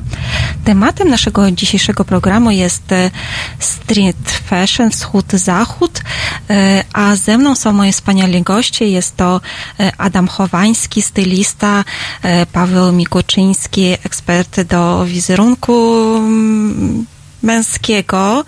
E, Jest też Irina Mogoderewa, Rosjanka mieszkająca od kilku lat w Warszawie, e, która też ma e, swoje zdanie na temat tego, jak się ubierają Polacy, ale nie tylko. Wiem, Adami, że wśród Twoich klientów są też klienci ze wschodu. Między innymi, tak. Między Mhm. innymi. E, Opowiedz proszę, kim są i czego chcą od Ciebie. Mhm. Tak, miałem, miałem przyjemność współpracowania z, z panią klientką z Ukrainy, która miała konkretny, konkretną A pamiętasz z potrzebę. jakiego miasta?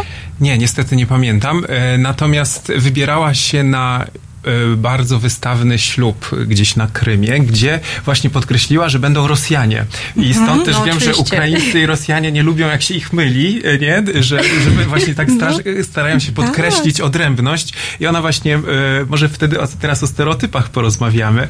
I ona właśnie em, chciała wy, wyglądać wytwornie, wręcz tak na bogato, dostojnie, bo powiedziała, że tak tam będzie, że tam takie są wesela, że kobiety zamawiają, z, jeżdżą po świecie w poszukiwaniu sukienek, biżuterii, więc to było takie, takie wesele. E, więc no, w zwykłych sklepach nie, na pewno nie znaleźliśmy. Udaliśmy Ale się ona do była, projektanta. y, ona była paną młodą, czy ona była Nie, wśród gościem, goście? gościem. Tam właśnie goście jeszcze bardziej starają się pokazać, być wystaw, bardziej wystawnymi niż, niż e, para młoda. E, I zwykłe sklepy, no No nic. nic, nic nie było właśnie ciekawego, takiego e, z, z pazurem i na bogato. Więc udaliśmy się do projektanta, gdzie był po prostu taki mm, indywidualny projekt. E, Wybór tkaniny, e, kroju, e, dobór, dobór biżuterii Co również. to za tkanina była taka niezwykła? Jedwab, no jedwab i to bardzo dużo jedwabiu. Tam sama tkanina to, to był duży Generalnie koszt. im więcej, tym lepiej. Tak. Ja oczywiście mm, trochę powstrzymywałem te zapędy, żeby pójść w stronę takiego baroku Mhm. Udało i, i tej, tej, nie? tej zdobności. No, Jestem w stanie to sobie wyobrazić. efekt końcowy był zadowalający, natomiast nie wiem, jak klientka, czy posłuchała moich rad, czy, czy, czy, czy rzeczywiście sięgnęła po, po e, ogromnej ilości złota i, e, i, i biżuterii. Ja reprezentuję inną trochę estetykę, więc staram się też przemycić e, i, i, i mówić, że właśnie mniej znaczy więcej i tak dalej, i tak dalej. Natomiast właśnie spotkałem się z tym, że i, I taki stereotyp panuje, że im bardziej na wschód, tym bardziej na bogato, że bardziej lubimy, e, e, lubicie, mogę tak powiedzieć, Można, obrazisz się? można, nie, nie, w Pokazać e, swój status, go podkreślić e, właśnie, właśnie jeśli A chodzi jeszcze o Rosję, zapytam, Rosjan. jaki kolor był tej stylizacji? To było utrzymane właśnie w spokojnych beżach. Mhm. Tak, to było beże, be, beżowy, chłodny odcień plus złoto. Czy na tak głowie też bardzo neutralnie, bardzo, bardzo ekskluzywnie. E, chciała, Mhm. chciała mieć również e, ozdoby, natomiast zrobiłem to bardziej europejsko, Mhm. powiedzmy, więc, więc powstrzymałem ją od, od tego nadmiaru. Irina, powiedz, e, jeżeli no tak, chodzi, bo mogę tutaj tak o weselu że, rozmawiamy, że tak? Rosjanie nawet w ubraniach na co dzień, oni skłonni są wykorzystywać takie bogactwo mody ostatnich 200 lat. Mhm. I oczywiście bardzo lubimy... 200, nie 20, zauważcie. Czyli to nie jest stereotyp, nie? Nie, nie, tak jest. No i oczywiście lubimy błyszczeć, e, ulepszyć, ulepszyć swój nastrój za pośrednictwem dodatków Mhm. złota, srebra, może korale, e, także jakieś tam kamienie szlachetne i to codziennie. I dużo, Do pracy. prawda? No nie wiem, dużo albo nie dużo, ale Mhm. tak jest. Ale to Naprawdę. też świadczy, myślę, o kreatywności, o wyobraźni, prawda? kreatywności też chęci em, pokazania właśnie całego swojego bogactwa, tak, e, żeby pokazać czym em, Ale wiecie co, mam takie reprezentujemy e, sobą. e, e, pomysł, właściwie wytłumaczenie. O ile chodzi, jeżeli rozmawiamy o Syberii, no bo tam przez pół roku panuje chłód, mróz, leży śnieg, jest biało i ludziom brakuje kolorów, brakuje e, na co dzień no takich, takiej odskoczni e, czegoś żywego. E, słyszymy teraz Straż Pożarna wyjeżdża, drodzy Państwo, no przeciwko mamy Straż Pożarną, jest jakaś akcja, zapewne też to słyszycie, więc chcąc, nie chcąc w tym uczestniczymy. Ma- Mamy nadzieję, że wszystko dobrze się skończy. Może to linie telefoniczne płoną. Tak, a dzwonią. wracając do naszego tematu, y, być może w ten sposób też nadrabiają pewne y, takie braki. No może być. Ale jeżeli chodzi o już y, inne regiony Rosji, też Ukrainy, wspom- wspomniany Krym, ale dlaczego tak się chciała ubrać? Pomijając to, że y, miało być na bogato na wystawnie, na wysta- no być może też, bo tam są, tam jest fej- fejeria barw na Krymie, prawda? Więc y, na tym tle ludzie też nie chcą wypaść blado, być może tak, też... Chciała odstawać, tak, żeby się tak. czuć dobrze, bo, bo ubiór e, to mm, oczywiście taka funkcjonalna też sprawa, bo nas chroni od, od warunków atmosferycznych, ale też nas wyraża. E, Jednym z takich pierwszych pytań, e, które zadaję klientowi, to właśnie co twój strój ma mówić odbiorcy. No i tutaj padają różne, różne cechy, no i różne powody, no i właśnie w przypadku tej klientki, ona mm, może niekoniecznie czuła się dobrze w tej estetyce, ale nie chciała odstawać. Nie była na tyle silna, żeby pokazać y, swoją bardziej skromniejszą estetykę, tylko właśnie chciała podkreślić i dopasować się do, y, do grupy. Bo to właśnie jest też uzależnione z, z, jakby z jakiego, z jakiej grupy społecznej się wywodzimy. Em, I wtedy stosujemy o, e, odrębny, unikatowy kod ubioru, taki rozpoznawalny tylko dla, dla osób e, z danej powiedzmy płaszczyzny też. Więc ubiór to nie tylko fatałaszki, taka sprawa przyziemna, tylko to też jest takie ciekawe zjawisko wręcz socjologiczne. E, Jak to przebiega, jak, jak, w którym kierunku to podąża. E, Dlatego to jest takie pasjonujące. I wydaje mi się, że godzina to za Można mało. mówić mówić Tak, to jest taka żywa historia właśnie, która no, na naszych oczach się dzieje. Y, A powiedzcie mi, jeżeli chodzi o Polskę, o Polaków, no tutaj mamy taki klimat y, y, umiarkowany. Y, Mamy i zimę, i lato, i, i barwy też mamy. Chyba nam tego nie brakuje, bo jak przychodzi wiosna, wszystko kwitnie. Ale jednak wydaje mi się, że Polacy są tacy stonowani na co dzień, bo rozmawiamy o modzie ulicznej, tak? Czyli mm, o tym, jak na co dzień się ubieramy. są dość zachowawczy, to, to prawda, natomiast myślę, że oczywiście to się też zmienia, no i znowu tutaj byśmy, myślę, troszkę musieli rozróżnić na duże miasta i, i mniejsze miejscowości, że faktycznie młodzi ludzie w dużych miastach, co bardzo widać po ulicy Warszawy, myślę już, no tutaj bardzo eksperymentują z kolorem, z, z różnymi fasonami, trendami i tak dalej. I to jest faktycznie bardzo zauważalne i w ogóle taki, no, no no jest taki trend, myślę, że, że jest coraz lepiej z tym, że już nie jest tak szaro-buro. Jeszcze myślę, że troszkę przed nami, ale, ale jest generalnie coraz lepiej. Ja nie byłbym taki optymistyczny, bo w dalszym ciągu nawet na ulicach Warszawy mężczyzna w pomarańczowym płaszczu e, wzbudza bardzo duże zainteresowanie i to jest od zadziwienia po wręcz agresję e, jakąś werbalną, więc jakoś tak nawet mamy przykład dużego miasta, gdzie mm, nie można sobie pozwolić na, na e, zbytną ekstrawagancję, Mhm. bo to jest za bardzo zauważalne, właśnie wtedy odstaje się od tak zwanej normy i no tak, zawsze można, możemy mówić, że się to zmienia, że da, dawniej było lepiej, natomiast y, no ciągle to pokutuje. Ja, ja mam taką teorię, dlaczego tak jest. Dlaczego? Że właśnie przez wiele, wiele lat, kilkadziesiąt lat byliśmy za żelazną kur, kurtyną e, i mm, no nie, nie, było, nie było pielęgnowania indywidualności, tylko bardziej właśnie e, propagowano szarą masę, aby zająć się pracą. E, moda było, było czymś zbyt zachodnim, więc e, wręcz nie wypadało się tym zajmować, stroić. I to cały czas pokutuje, bo gdzieś moje pokolenie, przynajmniej jeszcze gdzieś tam pamiętam, jak za, jak za mgłą, no, było szaro, nuro i ponuro i moje pokolenie generalnie stara się to zmienić, ale ciągle mm, to są jakieś próby, że, że, że to nie. mm, Właśnie tak jak wspomniałeś, że wśród młodych e, już oni bardziej są powiedzmy wyzwoleni, mają te wzorce, nie mają tych naleciałości e, z przeszłości i bardziej są otwarci. Natomiast e, osoby urodzone w latach 80., e, myślę, że jeszcze są bardziej zachowawczy Mhm. w tych, tych, tych swoich, w swoich dążeniach. Nie, ja myślę, że obserwuję Modowych. taką tendencję, że jak idzie osoba kolorowa, jakaś taka wyróżniająca się z tłumu, to faktycznie są spojrzenia, ale raczej takie, jakieś takie szepty, pozytywne uwagi, że o, fajnie, nie? Fa- że fajnie, że, że generalnie może też chciałbym tak wyglądać, no nie odważę się na to, bo, bo nie jestem na tyle odważny, ale chyba chciałbym tak spróbować, może generalnie, że, że dobrze. Jakaś taka jest akceptacja społeczeństwa, że żeby tak się jednak ludzie ubierali. Ja pamiętam, y, będąc w jednym jakimś tam zestawie, y, nie ubieram się zbyt ekstrawagancko, Mhm. bo to też nie jest moja estetyka. Będąc w Londynie słyszałem I love your style. Będąc w tym samym outficie, powiedzmy w Warszawie, ty, patrz jak on się od... od Naprawdę? Tak. więc, więc no, ja bym nie był taki optymistyczny. My lubimy o tym sobie myśleć, że właśnie jest coraz lepiej, że, że jesteśmy bardziej otwarci. Natomiast wcale tak nie jest. E, Jednak dominuje ta przeciętność, szaroburość. Nawet badanie wykazało, że Polacy najchętniej e, widzą się w granacie, czerni, szarości i bieli.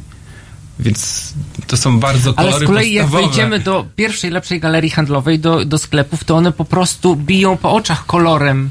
Tylko, Nawet- że na ulicy tego nie widać. Właśnie trendy też są bardzo, bardzo ciekawe. Polki nie sięgają po trendy, przy jakieś przeskalowane duże marynarki. One chcą wyglądać pięknie. E, e, Moda w, w wydaniu polskim musi być ładna. E, Tam nie, nie ma miejsca na, na właśnie jakieś eksperymenty, na jakieś zaburzenie proporcji. Polki chcą być klepsydrami. I, to, I to zauważyłem, że to wszystko ma być ładnie dopasowane, podkreślone biodro, talia, bardzo kobieco. Natomiast Zachód szaleje. Jak się ogląda relacje z Fashion Weeków, taką modę, mm, modę uliczną, no to kobiety łączą dziwne rzeczy, eksperymentują. Czyli okazuje się, że i zachód szaleje, i wschód szaleje trochę z kolorem i Tak. z, w ogóle z, z przesyceniem, a ta Polska gdzieś tak po środku. Po środku. Dlatego ja bym też tego tak nie, nie, nie określał, No że jeszcze coś jest nie tak pozytywne, coś jest pośrodku. negatywne. A do E, tego zaraz wrócimy. Bardzo ciekawy wątek. E, Zapraszam posłuchać takiego chłopaka. E, Wspaniała piosenka i za chwilę już do Was wracamy.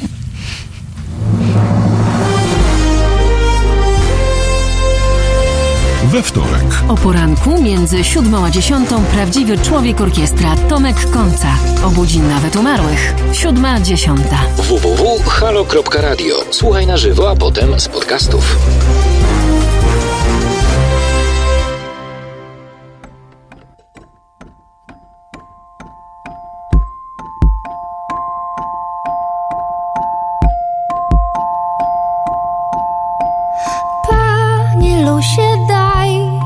Kogoś, kto nie zmąci wody w mym stawie.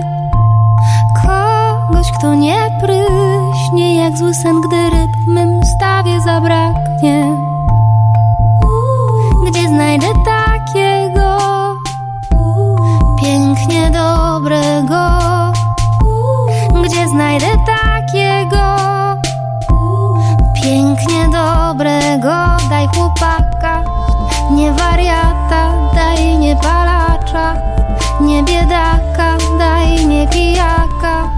Nie Polaka, daj nie brzydala.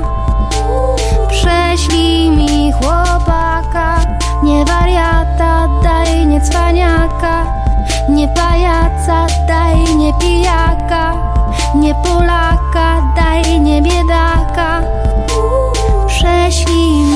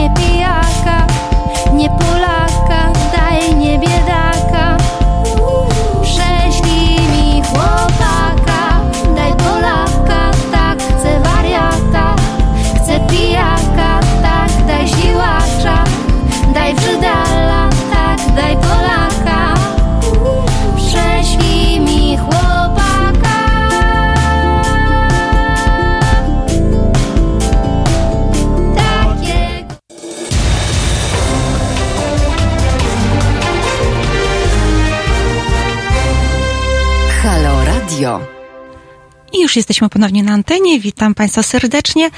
E, Przed chwilą e, mieliśmy dosyć e, ciekawy, burzliwy wątek rozmowę. Nie wiem już nawet to określić, bo padło wiele, wiele ciekawych zdań. Wiedziałam, że tutaj Irina się w pewnym momencie nie zgodziła z, moimi rozmówcami.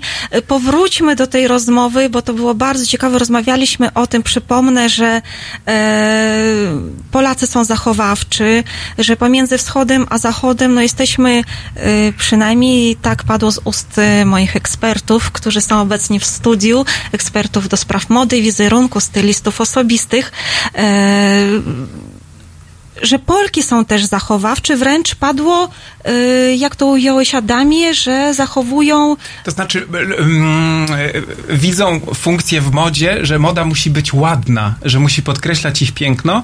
E, ja też nie mówię, że to jest złe Tak. czy dobre, tylko to jest po prostu nasze, polskie, że u nas e, funkcja ubrania ma e, podkreślać, wyrównywać, wysmuklać, wydłużać, odchudzać. Zawsze jest taka, taka prośba. Mhm. E, I jak ja proponuję właśnie mm, jakieś współczesne trendy, typu sweter oversize'owy, Tak. czyli zaburzający proporcje, nie, nie przychodzi to. Zawsze wolą się paskiem ścisnąć, żeby jednak talię podkreślić, więc pod tym względem, że wcale trendy, te współczesne, e, nie są dla, dla takiej przeciętnej Polki. Ona chce po prostu ładnie wyglądać, a nie dziwnie. Co Może być zależy od wieku kobiety? A możliwe, tak. Im młodsza, tym bardziej eksperymentuje. E, nastolatki to już w ogóle, e, tak jak mówiłem, że zaciera się różnica, że weźmiemy taką dwudziestolatkę z, ze Stanów i z Warszawy, myślę, że one stylowo będą bardzo Mhm. e, podobnie wyglądać, Tak. bo mają jakąś tam wspólną idolkę, podejrzewam. Ale ja mówię o też e, e, o jakby moim targecie. To jest taki e, e, mm, 30 plus, powiedzmy. Mhm. E, no to kobieta chce wyglądać ładnie, kobieco, ewentualnie z pazurem, jeżeli osobowość e, na to pozwala, e, ale wcale nie chce eksperymentować. Ona nie chce e, zaszokować. Takie osoby nie przychodzą do stylistów, bo takie osoby najczęściej są stylistkami, które właśnie eksperymentują i, i, i stosują Same sobie te radzą trendy. po prostu Tak. tym doskonale. Irina, jak ty odbierasz Polki, sposób ubierania się Polek? No nie mogę tak od razu powiedzieć. Ja chciałabym mm, powiedzieć o tym, że mi się to bardzo podoba. Po- Podoba ta wolność w ludziach. Ja widzę to, e, to na ulicach. Na przykład e, ta różnica od e, mojego miasta, skąd jestem, z Nowosybirska, że my nie mamy takiej wolności. Nie mamy na ulicach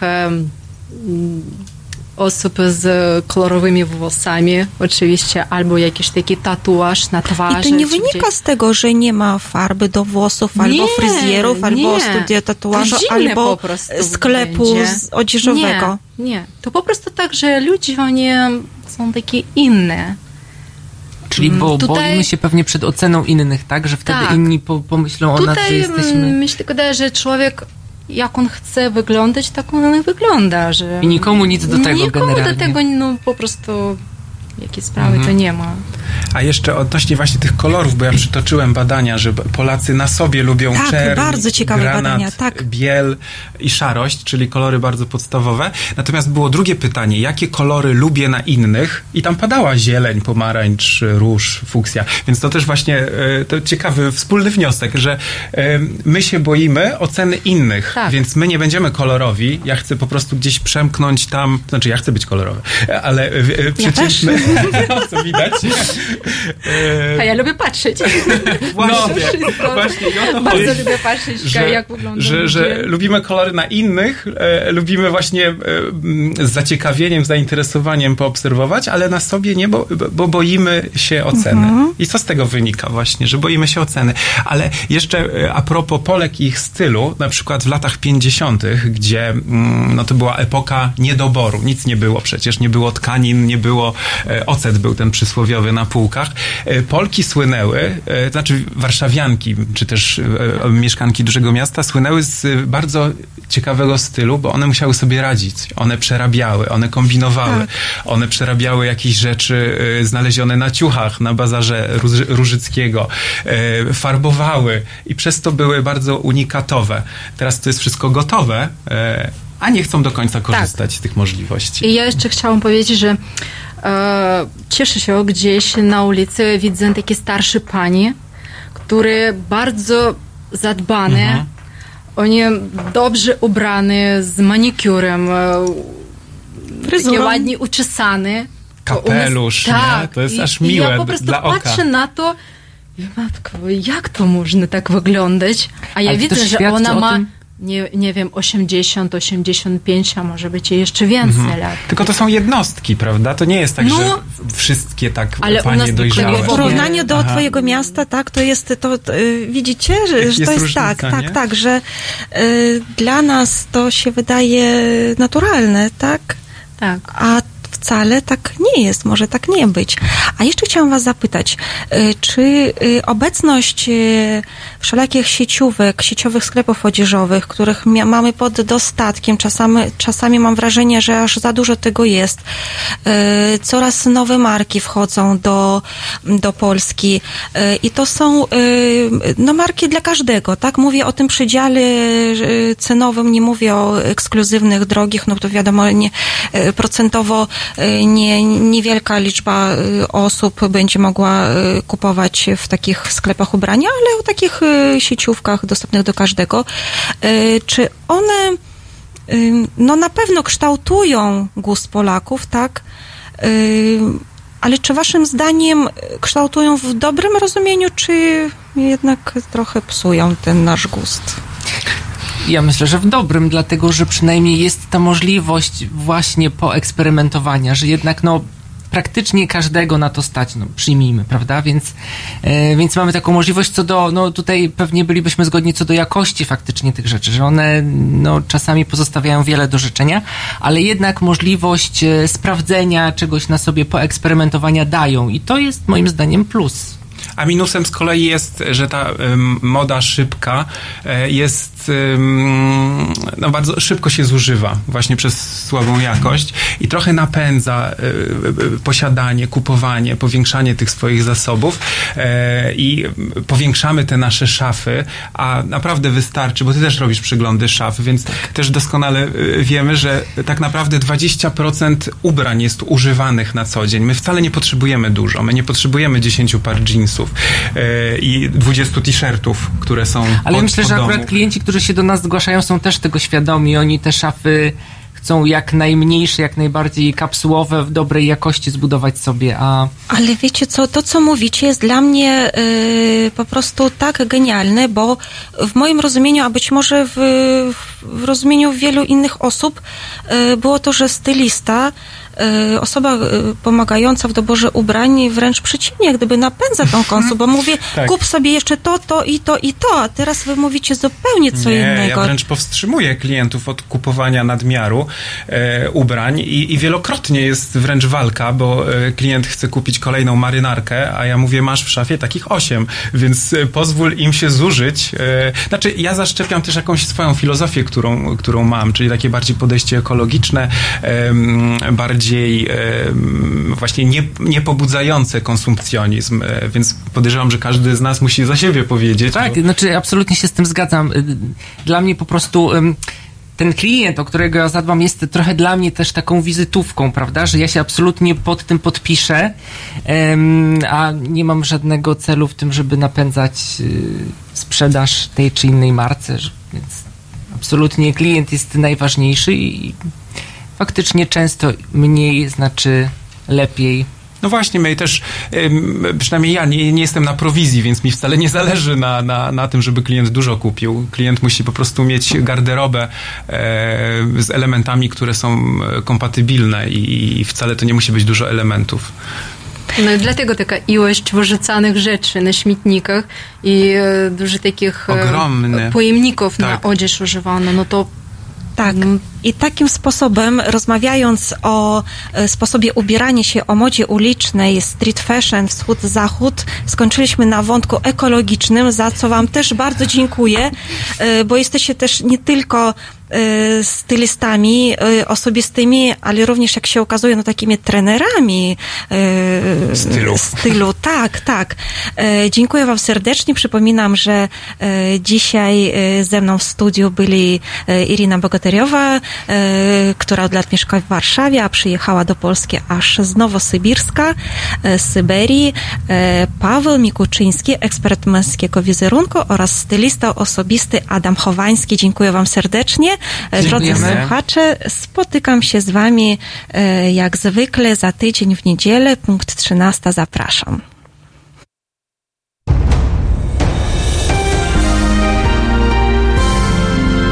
W środę Od 19 do 21 Halo Tu Ziemia, czyli Eko Agata Skrzypczyk i jej zielony świat. 19.21. www.halo.radio. Słuchaj na żywo, a potem z podcastów.